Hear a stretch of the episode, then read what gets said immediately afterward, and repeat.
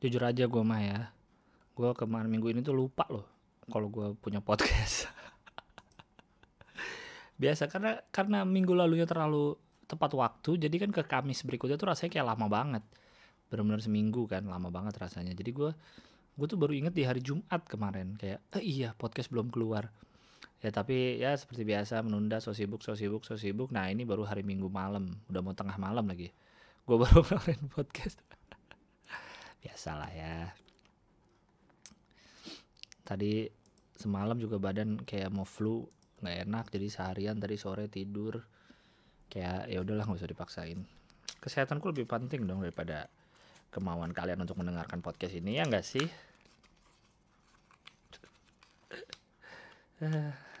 Ada aja dah.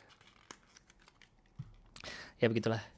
Intinya selamat datang di podcast biar lega ini berarti episode 87 86 87 benar episode 87 btw minggu depan berarti uh, akan tayang hari minggu lagi karena hari minggu 11 April. Dan 11 April adalah berarti ulang tahun podcast biar lega yang ke dua wis gokil abis bro. Akan ada yang spesial minggu depan? Tidak ada dong. Ya udah biasa aja. Akan seperti podcast biasa aja mau bikin apa juga mau yang spesial spesial uh, mau bersihin dulu. Alhamdulillah alhamdulillah. Where's my minum?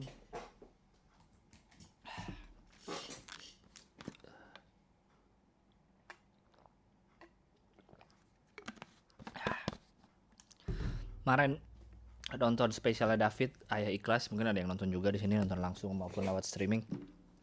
Di ballroom hotel uh, gue tadi mikir kan kalau mau bikin show di masa pandemi tuh nggak enak karena penonton harus berjarak segala macam. Sementara nonton stand up kan enaknya di ruangan yang tertutup padat gitu ya. Ternyata kemarin gue ngeliat uh, di shownya David oh ternyata berjaraknya nggak yang terlalu jauh-jauh banget kok. Masih santai lah masih enak kayaknya.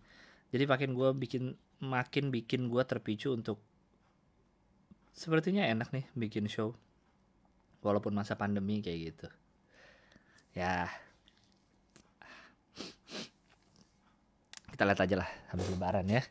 Menarik bisa bikin show. Cuma kemarin mungkin karena di ballroom hotel ya uh, atapnya pendek terlalu pendek sehingga panggungnya tidak bisa terlalu tinggi. Jadi gue yang nonton agak di belakang tuh nggak bisa ngeliat full panggungnya gitu karena panggungnya rendah. Kayak gitu tapi nice. Nice nice nice nice nice. David selamat anda telah memicu aku untuk segera untuk bikin show lagi. Karena bayangan gue juga kayak gue juga udah pernah bilang di sini untuk show berikutnya. Kan kemarin special show di uh, teater Jakarta. Yang berikutnya gue pengen lebih kecil sih tempatnya. Dan karena gue pengen keintiman itu loh keintiman dengan penonton. Eh, nggak uh, rame nggak apa-apa. Gue nggak masalah. Yang penting uh, enak deket ke penonton. Intim rasanya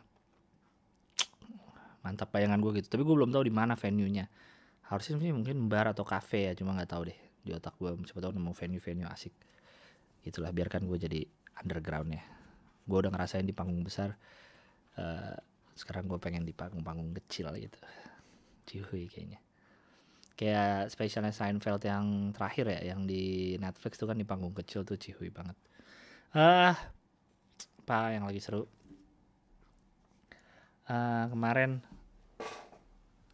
uh, gue turut berduka lagi atas ada bom lagi bom di gereja di Makassar kepada korban-korban kecuali si pelaku berdua anjing biarin aja lu mati. Sumpahin lu gak masuk neraka gak masuk surga lu. Ngambang aja lu di di alam lain itu tuh. Ngambang-ngambang antara surga dan neraka lu. Kayak pengemis lu. Di antara surga dan neraka lu di depannya minta-minta minta tolong masukin aku. Goblok untuk yang luka-luka gue belum baca berita lebih ininya sih yang luka-luka di gereja. Ada berapa orang nggak tahu semoga baik-baik lah. Sama yang terakhir yang uh, penembakan di Mabes Polri yang walaupun yang mati dia juga ya. Tapi gue setelah lihat videonya gue ngerasa kurang cepet matinya tuh orang. Kayaknya polisi kok lama banget ya bunuh satu orang itu ya ya gue nggak tahu sih. Gue tidak ada di gue tidak mau menjudge. Saya tidak ada di sepatu mereka. Saya bukan polisi. Belum pernah jadi polisi. Nggak tahu cara nembak. Eh pernah nyobain sih dulu nembak di Pindad. Pindad di Bandung. Ya nggak tahu. Gue mikirnya terlalu lama aja dia masih bisa ke pos mundur lagi jalan nembak-nembak balik ke tengah baru ditembak mati. Kayaknya harusnya bisa lebih cepat nggak sih matinya? Ya nggak tahu lah. Itu kan menurut pendapat saya orang sotoy. Nggak usah dipikirin pak polisi kerja bagus sudah membunuh uh, yang masuk ke Mabes. Walaupun kayaknya harus lebih cepat tetap sih. Lu jadi mikir nggak sih kayak seberapa mudahnya masuk ke area polisi? Bawa senjata udah gitu malah ada di berita gue lihat katanya uh, metal detector di kepolisian lagi rusak. Oh kita sebagai warga tentu percaya dong. Sering banget ada kejadian-kejadian gitu terus kayak CCTV-nya pas lagi rusak. Sekarang metal detector pas lagi rusak. Aduh sayang banget sih. Aku sih percaya 100% terhadap hal itu. Bisa aja emang lagi rusak. Kita kan nggak tahu keadaan e, barang kan namanya juga barang. Udah mungkin udah bertahun-tahun ya bisa aja rusak. Ya nggak sih? Uh,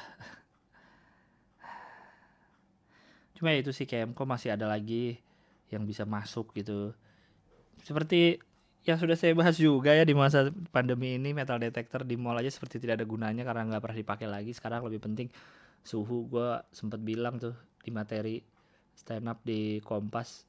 Nggak tahu ditayang apa enggak gue bilang ini saat yang tepat untuk para pengebom karena udah nggak diperiksa lagi metal detector. Yang penting suhu di bawah suhu uh, di bawah 36 lu bisa ngeledakin. Eh bener. Ada yang ngeledakin lagi si Alan sama ada yang masuk ke Mabes Polri lagi. Nggak boleh emang ngomong-ngomong sompral gitu di materi jadi beneran. Cuma ya emang tahu sih kalau tempat ya harusnya Mabes Polri mungkin tempat yang paling dijaga ketat kali ya selain duta besar gitu kedutaan besar. Masa bisa nembus kan jadi gimana gitu ya mikirnya kayak anjing bisa ketembus loh tempat segitu tempat segitu aman. Ya gereja mungkin juga nggak nyangka juga kali kalau akan ada lagi gitu-gituan. Cuma ya nggak tahu sih harusnya bisa kedeteksi nggak sih bibit-bibit teroris gitu? Ah nggak tahu. Sekali lagi saya hanya orang soto yang hanya orang awam yang melihat dari luar tapi tentu lu sebagai manusia yang tinggal di Indonesia gemes dong liatnya kayak masih masih ada lagi se, se susah itu cuma pengen ibadah doang apalagi kemarin pas hari raya kan dan masih dengan narasi-narasi teroris tidak punya agama. Yes. Tidak punya agama, mereka bertindak atas kemauan sendiri tanpa ada embel-embel agama. Kebetulan saja nyerangnya ke tempat ibadah yang agamanya selain agama dari si teroris itu. Jadi mereka hanya bertindak se keinginan mereka tanpa ada embel-embel agama. Ah tau dah pusing gua ngeliat berita-berita gitu.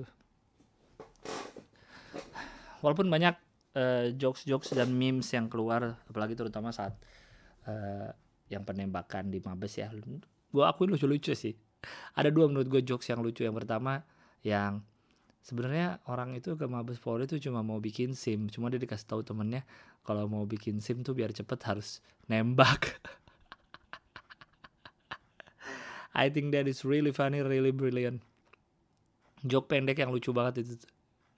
Yang kedua adalah jokes yang gue suka uh, ngajinya di masjid, belajar agama di masjid, apa di masjid, eh mau matinya di gereja. Anjing gue iri loh, gue gak kepikiran duluan itu. Gue iri sama yang bikin-bikin jokes itu di internet, gue gak tahu sumbernya di mana karena gue juga dapat dapat ada yang dari TikTok, ada yang dari Twitter. Tapi gue iri sama pola pikir lu bisa ke situ karena gue belum nyampe ke situ anjing lucu banget ada yang bilang ini mah gue bahas-bahas konspirasi teorinya aja ya lah ada yang bilang kayak inget nggak setelah kasus ini? Ada yang inget nggak kemarin kasus uh, dana bansos corona ke mana kasus ini ke mana? Banyak kasus-kasus yang kita jadinya lupa karena terdistract dengan pemboman gereja dan penembakan di Mabes. Ah gua nggak tahu sih ya. Penembakan ya penembakan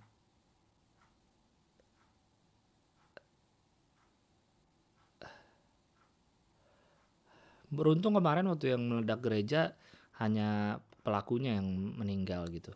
Kalau ada korban di luar pelaku terus ternyata ini hanya untuk pengalihan pengalihan isu jahat banget sih. Kalau memang benar ataupun mikir ke arah sana aja udah jahat menurut gua. Gua nggak tahu ya emang terlalu banyak kita kan selalu disuguhi dengan ah, film-film konspirasi-konspirasi teori itu sehingga tiap ada kejadian besar di negara ini pasti selain mikir ya udah itu kejadian aja kayak gitu gitu pasti kita mikir konspirasi teorinya gitu. Nih ada isu yang lagi dialihin gak sih? Ini gini gak sih? Ini gini gak sih? Nggak tahu ya cuma kalau bener sedih sih jahat banget gitu. Kalau ada korban apalagi lu jadi korban sebuah sebuah pengalihan isu. Coba lu bayangin apa rasanya lu dijadikan korban pengalihan isu gitu. Semoga enggak sih bukan lah. Emang ini emang teroris-teroris tai aja. Kejadian banyak kejadian yang bikin gue harus pengen nulis materi lagi nih. Ah. Sedih sih sedih sedih sedih yang sekarang baru kejadian banget nih malam ini gue baru lihat di Twitter ada ada banjir di beberapa tempat di NTT. Semoga aduh gue nggak tahu deh semoga cepet surut. Banjirnya soalnya bukan banjir kayak di Jakarta gitu yang air naik, tapi air bah gitu, air ngalir kenceng ada jembatan yang mau roboh. Uh, mungkin lu bisa lihat info-infonya di Twitter, Instagram kalau belum bisa ngasih apa-apa, cuma mungkin bantu sebarin kali, bantu retweet, bantu apa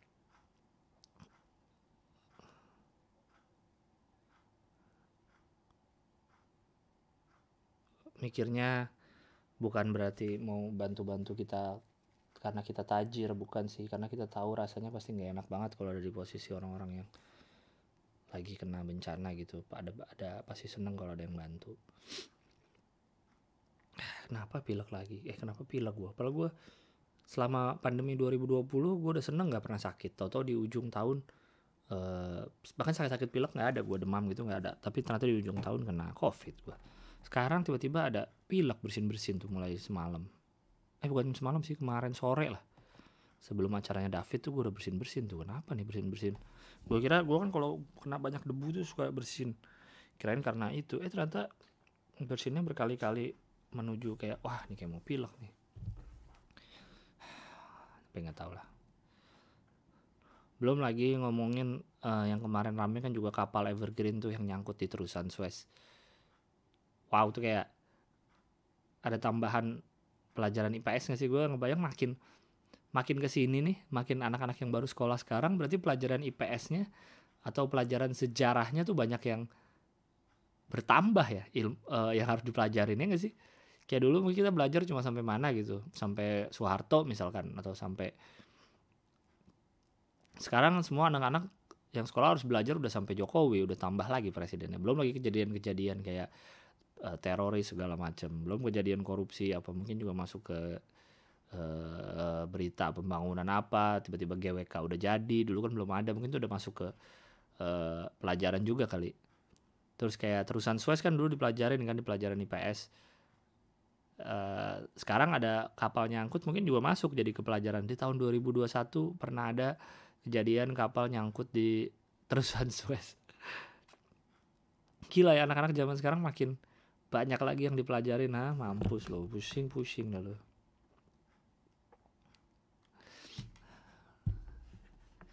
itu juga mengerikan juga sih gila karena kapal nyangkut aja kapalnya gede banget sih emang ya. Nyangkut akhirnya jadi semua terhenti semua harus muterin benua Afrika yang mana bikin perjalanan nambah beberapa hari lagi. Yang gue baru tahu adalah ternyata terusan Suez itu kecil ya. Gue ngebayangin tuh kayak kanal kanal besar gitu yang bisa dilewatin banyak kapal. Ya mungkin gede kali ya aslinya kalau lihat langsung. Cuma kelihatannya atau karena kapal evergreennya besar kali. Karena kapalnya besar jadi kelihatannya itu kanal uh, Sueznya apa terusan Suez tuh kayak kecil. Nggak tahu sih. Sampai segitunya gitu sampai uh, kan terusan Suez tuh katanya 12% perdagangan dunia tuh di situ jadi menghambat 12% perdagangan dunia. Eh, gila nggak? Jadi banyak barang-barang yang telat segala macam karena ada kapal gede yang nyangkut itu. Bisa begitu ya?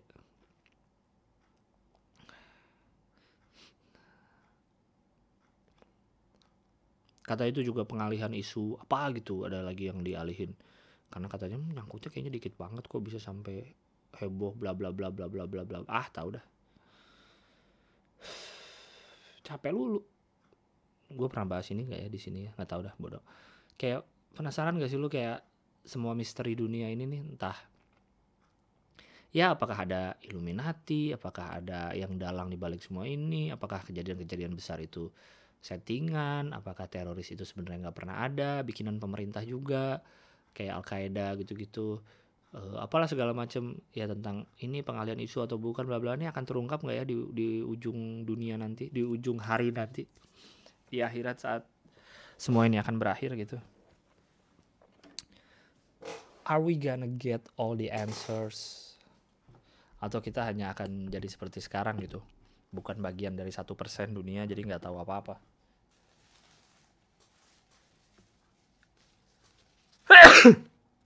Ya Allah. Ya nggak? Pernah kepikiran gak sih di otak kayak bener gak sih semua nih? Apa benar? Ini yang nembak uh, John F Kennedy itu dia bener, bukan orang lain. G30 SPK itu gimana sih sebenarnya aslinya? Super Semar tuh gimana sih aslinya? Hmm?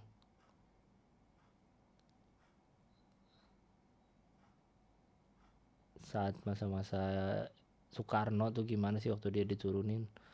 Waktu penjajahan Belanda tuh benar nggak sih sebenarnya yang korupsi itu uh, orang-orang lokal juga bukan Belandanya. Kayak akan terjawab nggak sih semua misteri kehidupan tuh sebenarnya? Nggak tahu sih. Akankah terjawab ini semua atau ya udah aja hilang gitu. Akhirat eh apa kiamat bumi kehidupan bumi berakhir kita pindah ke kehidupan berikutnya. Ya udah aja hidup kekal abadi tanpa tahu lagi apa yang terjadi di bumi terus nggak tahu lagi misteri-misteri yang telah terjadi di bumi itu apa ujungnya apa jawabannya gitu nggak ada. Kayak gitu nggak ya nggak seru banget ya kalau ternyata nggak di nggak terbuka semuanya. Kita nggak tahu apa yang sebenarnya terjadi gitu. Penasaran gak sih? Gue penasaran gue pengen jadi bagian dari orang dalam gitu orang dalam. Gimana caranya kita masuk menjadi orang dalam? Orang dalam pemerintahan kayak orang dalam apa kayak jadi kita tahu gitu yang terjadi terjadi di bumi ini nggak ada yang mau ngajakin gue Illuminati apa nih ya? Biar gue jadi tahu gitu. Ternyata ada nggak sih New World Order itu tuh ada nggak sih? Kalau semua ini tuh sebenarnya uh, dunia ini udah ada pengatur skenario nya gitu. Yang nguasain yang tahu nih siapa yang harus mati siapa yang harus sukses siapa yang harus ini di luar di luar Tuhan ya coba ada yang ngatur tuh semua. Kalau beneran wow. Seru sih. Ya gak sih? Kayak wow ini ada yang ada yang ngatur ternyata.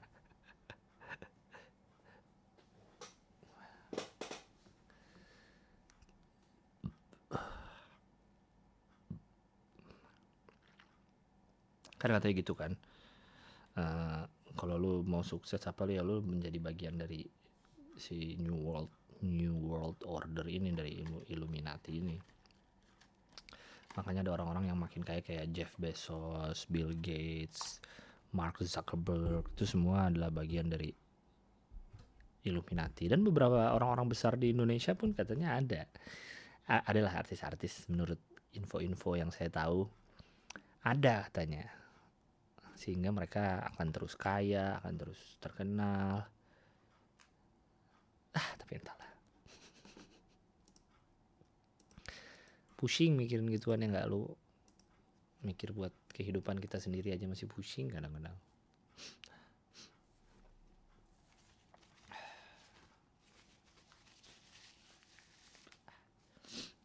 Aduh, maaf ya nih ingusan gua. Ingusnya bukan gua paling nggak seneng nih ingus-ingus awal. Ingus-ingus awal pilek tuh ingus paling gak enak tau gak lo? Yang masih cair banget yang turun aja kadang-kadang meler gitu nggak bisa kita kontrol. Kalau yang ingus-ingus udah kental udah hijau tuh kan bisa sing kita sering keluar gitu. Bisa kita bisa kita isap. Kalau ini kan yang kadang udah kita isap tapi ntar dia leleh lagi turun pelan-pelan karena eh, masih cair banget ya kan? Tahu kan tiba-tiba ingus awal-awal awal-awal pilek tuh nggak enak banget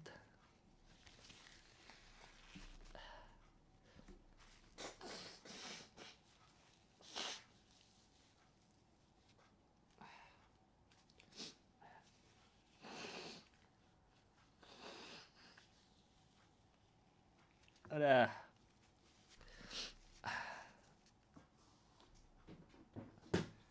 Enak ya Allah, nggak mau pilek, pengen sembuh.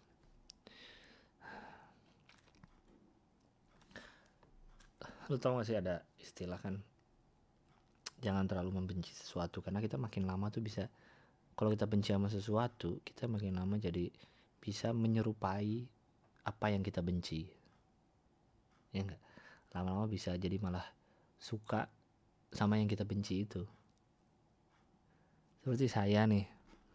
Saya di spesial saya kemarin kan saya memaki-maki mobil-mobil LCGC, memaki-maki Grand Max karena bentuknya kotak jelek gitu. Sekarang jadi demen gua sama Grand Max.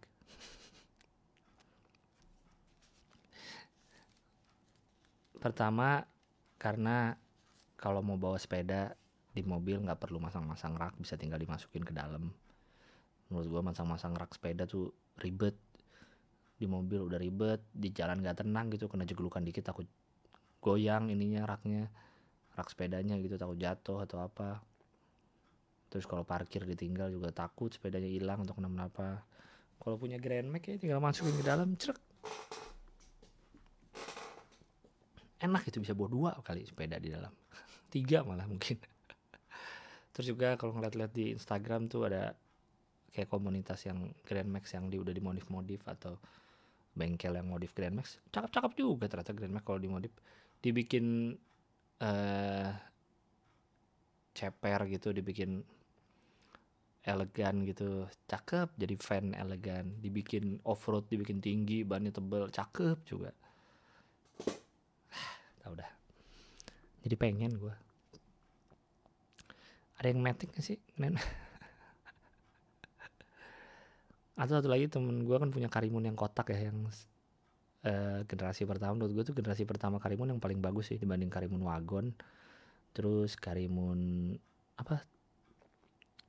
Sebelum Karimun Estilo. Itu jadi jelek. Bagusan yang Karimun kotak yang awal. Itu juga cakep tuh. Sekarang jadi banyak juga yang pakai. Kayaknya populer lagi kali ya mobil-mobil gitu ya. Mungkin gue jadi suka karena itu ya. Karena mereka populer lagi jadi banyak muncul di explore IG gue terus ngeliat cakep-cakep juga ya. Karimun kot cuman Karimun kota kecil banget kayaknya. Secara bentuk lucu sih cuma kayaknya juga nggak ada tenaganya dah. Cuma 1000 cc kalau nggak salah kan. Dikasih bar atasnya kayak ada rak buat naruh barang lucu banget tuh. Eh, bannya pelek kaleng aja. Gue pernah belum nggak pernah pernah nggak ya naik Karimun kotak naik secara langsung? Kayaknya belum pernah deh. Ini enak itu bentuknya kecil tapi naruh sepeda juga susah tapi ya di dalam. Bisa nggak ya taruh? Tapi kayaknya bisa deh lebih tinggi. Dibanding mobil gue sekarang kayaknya gue harus mobil gue sekarang nih kalau gue mau taruh dalam uh, Ford Fiesta kan. Uh, jok belakang harus dilipat tentu. Uh, kalau road bike yang ukuran yang lebih kecil dicopot ban depan udah bisa masuk tuh. Kalau sepeda gua yang lain yang 26 yang lain yang mountain bike atau yang satu lagi roda depan dicopot pun susah masuknya karena bodinya besar bannya juga besar. Tapi sebenarnya karena road bike gue emang kekecilan sih secara size jadi kayak kalau dimasukin jadi emang kecil bentuk framenya. Jadi kalau dimasukin ke mobil ya cukup. Itulah atau paling nggak harus di di luar dikasih rak. Atau mungkin karena rak gue kan rak punya bokap ya udah dari zaman gue SD kali itu rak uh, rak apa namanya bike rack gue ada. Jadi tuh dia cuma nyangkutnya cuma dua ke atas sama dua ke bawah. Makanya itu yang bikin mungkin jadi agak goyang dan tidak stabil gitu rasanya. Sementara sementara kalau gue lihat punya orang-orang gitu ada yang talinya ada yang ngikat ke samping juga jadi nggak cuma atas bawah ada yang ke samping. Jadi kayaknya tuh bikin jadi lebih nggak goyang lebih kokoh gitu kayaknya. Tahu dah. Jadi kayaknya gue ngeliat yang bawa-bawa sepeda di mobil kok tenang-tenang aja nyetir ya. Kalau gue takut-takut kalau nyetir mesti pelan-pelan. Ada lagi yang agak mahal tuh biasanya di SUV sih.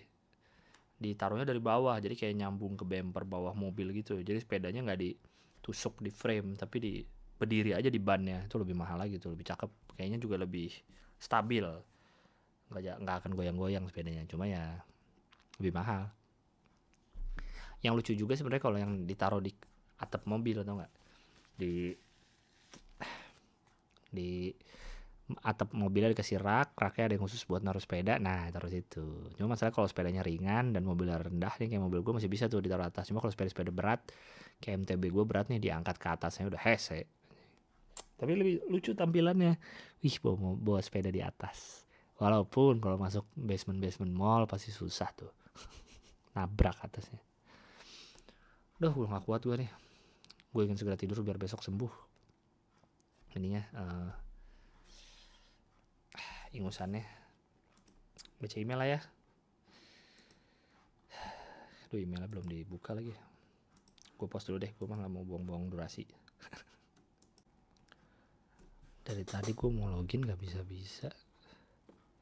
Jangan-jangan internet gue mati nih. Oh enggak deh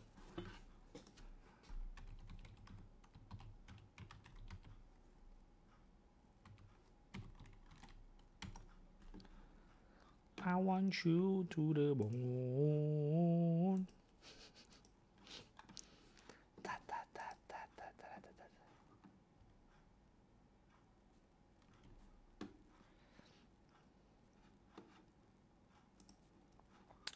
Nah,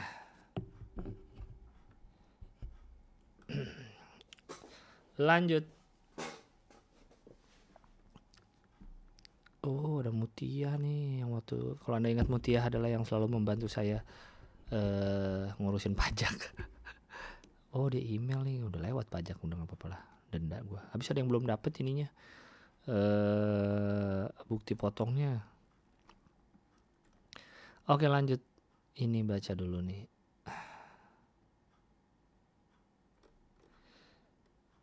Akhirnya subjeknya itu.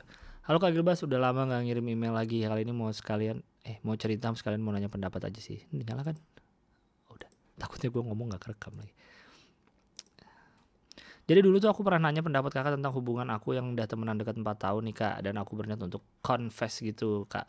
Long story short Februari kemarin aku confess kak ke si laki-laki. Waka waka waka Jujur penerimaan dia atas confession akunya baik banget sih Walaupun aku gak mendapatkan jawaban ini. Reject. Walaupun aku nggak mendapatkan jawaban ini rejection atau ternyata dia punya perasaan yang sama kayak aku tapi ya at least apa yang selama ini udah dipendam bertahun-tahun bisa aku utarakan dengan lancar dan sejujur-jujurnya intinya dari confession kemarin adalah dia tuh nggak bisa ngasih jawaban kalau dia punya perasaan yang sama atau enggak he said that he's complicated gitu kak. Dia bilang kalau aku kenal dia lebih dalam mungkin aku juga nggak akan bisa interest ke dia. Rasanya dia kayak mati rasa aja gitu kak. Aku nggak paham juga. Intinya ya dia nggak bisa bedain aja mana suka mana nggak suka. Atau mungkin dia juga lagi nggak ke hal-hal yang kayak gini juga sih. Terus dia bilang aku perempuan baik aja gitu kak. Aku juga nggak paham karena aku ngerasa ya aku biasa aja gitu nggak gimana gimana dia bilang takutnya kalau dipaksa ke bareng dia bakal menarik aku ke keribetan hidup dia gitu. Aku yang waktu itu ngerasa ya bisa-bisa aja kenapa nggak dicoba dulu? Pun ngerasa ya udah kan dia yang lebih tahu diri dia bagaimana baiknya. Gimana buat gimana buat dia dan buat aku. Cuma hmm, dia tuh ngerasa nggak enak banget sama aku. Dia ngerasa aku wasting time buat orang yang salah. He said that I deserve more celah basa-basi nih laki kayak gini nih cie padahal aku sama sekali nggak ngerasa wasting my time. Aku beneran menikmati juga gitu loh kak. Senang dan sedihnya pun aku sebenarnya udah tahu jawaban dia bakal kayak gini. Cuma aku tetap suka aja gitu karena aku rasa dia laki-laki yang baik aja gitu kak. Aku juga menikmati suka dalam diam ini. Meskipun akhirnya nggak akan sama seperti yang aku harapin dia juga ngerasa karena udah nyakitin aku aja gitu kak mungkin ya. Tapi jujur aku jauh memvalue waktu waktu barengnya daripada sakit-sakit hatinya. Kayak kalau sedih ya tinggal sedih sakit ya tinggal sakit gitu. Paham kan WK WK aku beneran suka aja gitu kak bareng-bareng sama nih orang. Benerannya nothing tulus aja. Kalau iya berbalas berarti bonus buat aku. Kalau enggak pun ya udah gitu kak. Cuma nampaknya laki-laki ini jadi memikirkan aja gitu kak. Jadi nggak enak super nggak enak banget sama aku. Aku bingung kak menurut kakak aku harus gimana ya meyakinkan laki-laki ini bahwa I'll be fine. Kayak ini tuh pelajaran dan perjalanan hidup yang memang harus dilewatin dia. Cuman buat aku gitu kak nggak ada yang salah. Aku harus gimana ya kak biar dia ngerasa oke okay dan nggak ngerasa nggak enak lagi sama aku? Hehe. Maaf panjang banget ya tapi I hope bisa dibacain dan dijawab. Best regard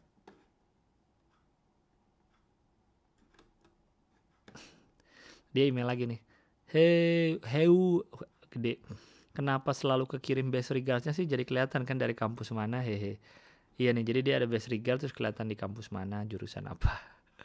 Oh ya satu lagi. Kenapa akhirnya confess pun ya cuma pengen bilang aja apa yang selama ini dirasain selama empat tahun ini? Karena ngerasa bentar lagi lulus juga dan ngerasa harus ngeluarin perasaannya kalau memang dia nggak merasakan hal yang sama. Nggak ada niat bikin dia nggak enak atau risih sama sekali. Karena udah mulai mendis mendistraksi distraksi juga sih akhir-akhir ini hehehe. Wow. Ntar ya.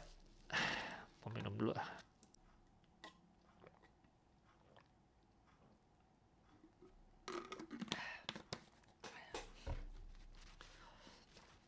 Menurut saya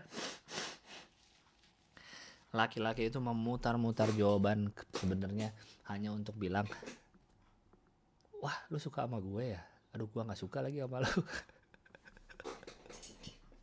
Tapi kalau ngomong nggak suka nggak enak dong. Akhirnya dia memutar-mutar jawaban.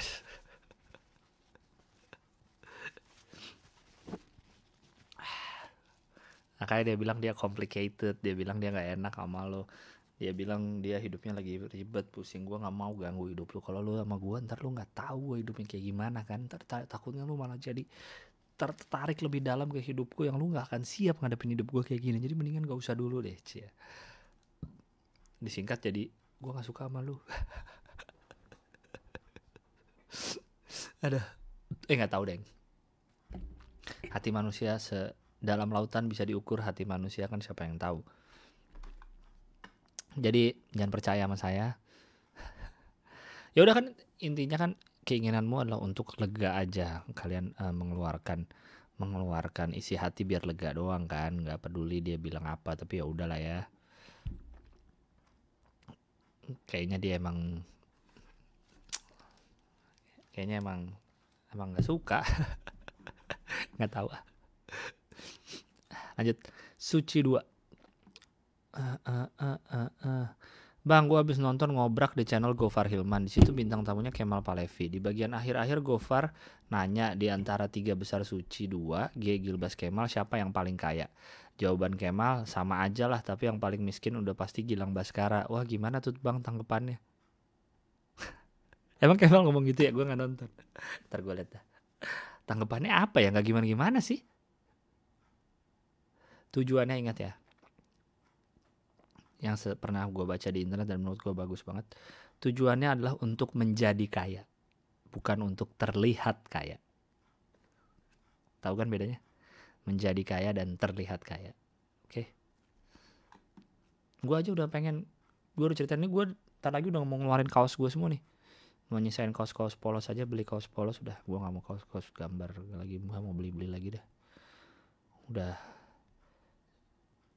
nggak ada gunanya kayak buat apa? Punya barang banyak banyak banyak biar pakai kaos nggak usah kelihatan lu punya kaos apa kaos polos aja lah.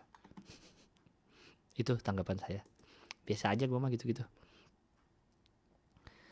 uh, nah ini nih Mutia nih yang tadi nih.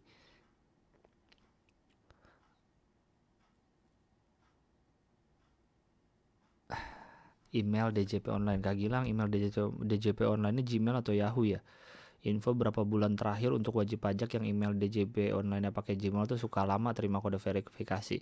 Jadi kadang kalau lapor pagi, sore atau malamnya baru dapat email kode verifikasi. Takutnya nanti lapor pas malam tanggal 31 Maret kode verifikasi ver, ver, verifikasinya nggak langsung masuk terus malah jadi telat lapor padahal salahnya di server mereka.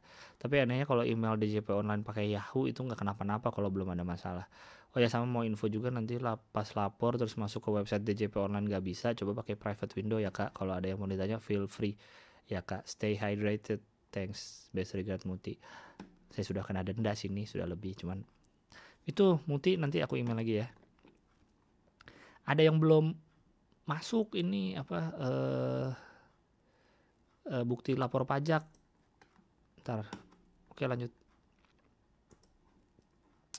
Uh, permisi bang mau tanya temannya bang Gilang yang namanya Wawan Ciku ke mana ya?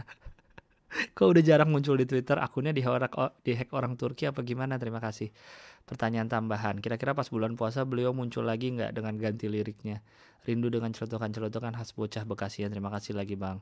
Uh, Wawan Ciku kalau lu perhatiin emang berapa bulan terakhir kali ya? Atau setahun terakhir?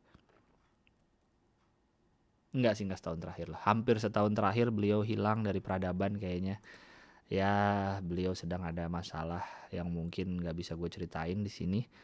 Uh, doain aja semoga masalahnya cepat kelar sehingga beliau bisa konsen lagi di menghibur kita semua. Karena beliau orang yang sangat lucu sangat menghibur bahkan bukan sebagai bukan di kalangan penikmat di kalangan komik-komik pun beliau sangat lucu. Bagi komik-komik beliau sangat lucu cuma lagi ada masalah aja.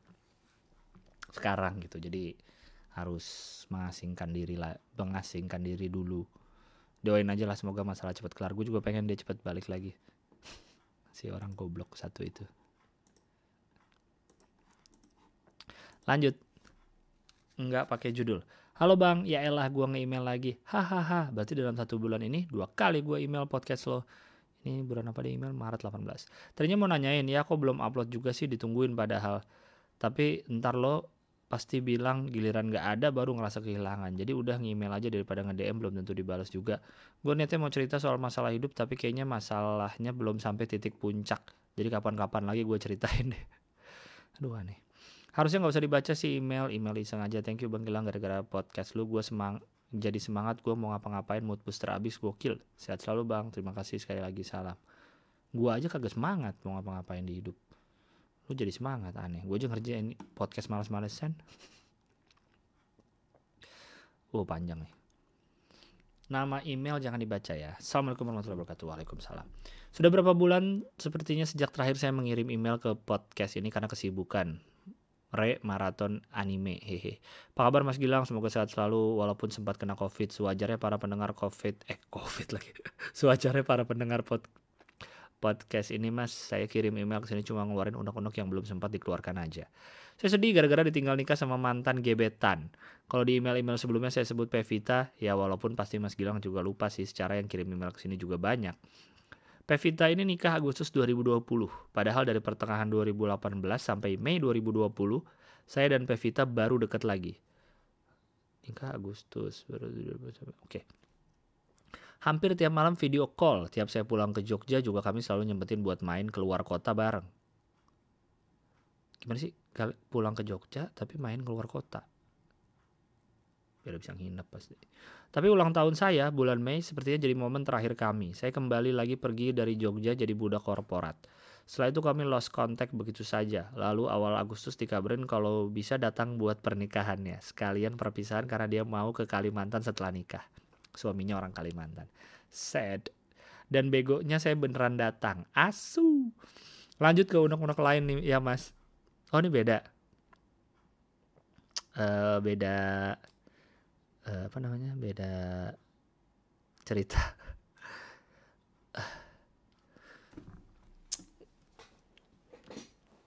gue belum pernah ngerasain sih datang ke nikahan mantan sama sampai sekarang yang mantan pas SMP dua-duanya udah nikah. Udah nikah saat gue udah kuliah kali jadi udah lost kontak juga. Mantan pas kuliah pada belum nikah. Ada satu yang nikah nggak diundang juga gue jadi gue belum pernah tuh ngalamin datang ke nikahan mantan. Tapi lu nikahan mantan gebetan sih. Lagi lu deket masa dari 2018 sampai 2020 deket doang Hmm, gak tahu nih. Tapi kalau ketemu bareng main keluar kota, lu nya berarti lu nya hanya mau dekat tanpa status kali. Sementara dia ingin pacaran ya, salah sendiri lah. Oke lanjut. Lanjut ke unek-unek lain ya mas, lebih tepatnya mungkin julid. Mas Gilang pasti tahu dong sama ormas yang belum lama ini dibubarin tapi masih tetap gerilya. Nggak tahu tuh. Apa ya ormas apa ya? Kebetulan saya punya teman yang juga ikut ormas tersebut. Saya kadang bingung mas sama kelakuan teman saya ini yang mungkin mencerminkan anggota ormas lainnya. Pasti jelek nih, pasti kelakuan jelek. Gak mungkin kelakuan bagus lo ceritain. Kalau Mas Gilang ingat beberapa tahun lalu sempat viral nasi anjing kan? Nah itu kan banyak juga yang kontra. Teman saya salah satunya. Nasi anjing apaan ya? Gue gak inget ribut ngomong haram inilah itulah tapi sekitar setahun belakangan ini teman saya mulai pakai vape dan dia pilih liquidnya yang rasa anggur merah kan anjing ya siapa tahu rasanya doang kali anggur merah nggak ada alkoholnya lu mah cujon Terus yang terbaru ini kasus perselingkuhan Nisa Sabian. Temen saya ini udah sampai yang berkali-kali share potongan ayat atau hadis tentang zina dan perselingkuhan gitulah. Udah berasa paling bener kalau ngingetin orang. Padahal dulu konon kabarnya ada ulama pentolan ormas yang chat seks. Dan sepertinya hampir semua anggota ormas ini sepakat kalau ulamanya tidak bersalah. Nggak sampai yang share potongan ayat atau gimana gitulah. Kocak. Gue seneng nih orang marah-marah gini. Sebenarnya saya masih mau juli tentang banyak hal lain, nah, tapi sepertinya email ini sudah kepanjangan juga dan saya mulai lelah harus berusaha buat kalimat-kalimat sepanjang ini dengan bahasa seformal mungkin. Lagi ini kenapa harus formal? Bahasanya. Kan gue bilang enak baca email yang rapih gitu. Bukan masalah formal tidak formal bahasanya tapi emailnya rapih. BTW beberapa kali ngirim email ke podcast ini sekalian buat latihan juga sih bang? Soalnya sering kena tegur atasan masalah etika surat menyurat sama interaksi dalam kurung ngobrol. Ya kan susah ya perlu adaptasi gitu. Tiap hari ngomong gue lu pakai anjing-anjingan tapi di kan tiap di kantor harus formal banget. WK WK WK sekian bang emailnya. Makasih sudah dibacain. Keep safe and healthy. Wassalam tapi kan latihan gimana kan email ke sini kan nggak resmi. Isi hati saya mengenai hidup. All hail Bang Gilbas. Gue mau cerita tentang keadaan yang saat ini gue alami. Entah kenapa di umur 20 ini, di circle pertemanan gue udah mengecil dan rata-rata teman SMA gue udah ada teman baru. Entah dari kampus ataupun teman kerja mereka. Dan di dalam kondisi ini, pandemi, gue ngerasa selalu nggak ada teman untuk meluapkan emosi ataupun isi hati gue ke orang. Dan gue juga bener-bener ngerasa ditampol banget sama realita cinta bertepuk sebelah tangan kerjaan gaji di bawah UMR tekanan keluarga yang sangat banyak. Uh, eh, gue ngerasa gue berada di titik paling kontol dalam hidup di, di masa pendewasaan ini. Banyak banget pertanyaan di kepala gue namun selalu tidak ada orang yang tepat untuk menanyakan hal tersebut stress out hampir setiap hari dan selalu pretend baik-baik saja di depan keluarga. Dan pelarian gue satu-satunya cuma dengerin podcast untuk nyari perspektif orang lain. Menurut lo apa masa pendewasaan ini emang setai ini kah atau gue doang? Bro, there are seven billions, seven billions people in this fucking earth. Gak mungkin lu doang. Ingat, kita tidak spesial. Anda tidak spesial, saya tidak spesial semua tidak ada yang spesial di muka bumi ini, oke? Okay? Saya sering sekali bercerita di sini soal umur-umur 20 sampai siapa nelfon malam-malam? Bentar. Apa tadi? Lagi bahas apa ya? Ya itulah, intinya gue sering bahas lah tentang umur 20-an, 19 sampai 2 Gue tadi baru baca kalau otak kita tuh bener-bener sudah selesai berevolusi itu umur 22 selesai berbentuk makanya di umur-umur sebelum 22 tuh kita banyak melakukan hal bodoh karena memang otak belum selesai berdevelop. Jadi umur 20 wah nikmati aja bro. Masalah ini mau gua lu denger uh, nasihat dari orang-orang yang sudah melewati umur tersebut kayak gua atau lu tanya ke orang yang lebih tua dari lu sebanyak nasihat apa pun hal-hal tai kayak gitu emang akan selalu ada di umur-umur segitu akan selalu lewat. Jadi nggak ada cara nggak ada cara lain selain nikmatin aja lah ntar juga lewat. This too shall pass. Aduh udah. Pengen tidur gue biar cepat sembuh nih. Terakhir deh ya. ini email Maret 20 uh, eh, kecil hati Halo Bang Gilang apa kabar? Sehat-sehat terus ya. FYI gue cewek umur 19 tahun. Gue mau cerita kalau gue lagi ngerasa bosen banget ngejalanin hari-hari di rumah terus. Masih sering dilarang pergi keluar. Padahal gue pengen banget main Tapi temen gue gak mau main sama gue dah kayaknya. Terus gue juga sedih banget waktu eh tadi yang sebelumnya, yang untuk orang sebelumnya. Uh, pasti lu punya teman lah. Nanti suatu saat lu mungkin punya teman yang bisa lu pakai buat cerita. Atau kalau lu nggak punya teman belum ketemu belum ketemu teman tempat cerita itu keluarin dalam bentuk blog mungkin atau video atau podcast. Nggak usah lu rilis nggak apa-apa buat lu private semua tapi paling nggak keluar oke? Okay? biar lu agak tenang dikit tuh gue kasih saran tuh lanjut tadi. Uh, terus gue sedih waktu lihat teman-teman gue jalan bareng tanpa ngajak gue padahal basa-basi aja mah bisa kali gitu. Tapi ya udahlah ya emang gue nggak asik kali orangnya. Jadi mereka sering jalan tanpa gue intinya gue sedih kayak sedih banget ngerasa nggak punya siapa-siapa yang bisa paham situasi gue saat ini. Thanks bang udah bacain semoga sehat terus. Ini juga sama 19 tahun umurnya. Aduh. Kalian di umur-umur segini tuh gimana ya? Itu emang masanya. Emang ini masanya kalian uh, masanya kalian susah gitu.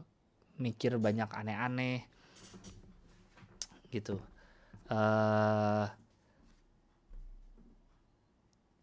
pusing. Teman kok gini hidup kok gitu. Nggak tau lah gue cuma bisa bilang tenang aja uh,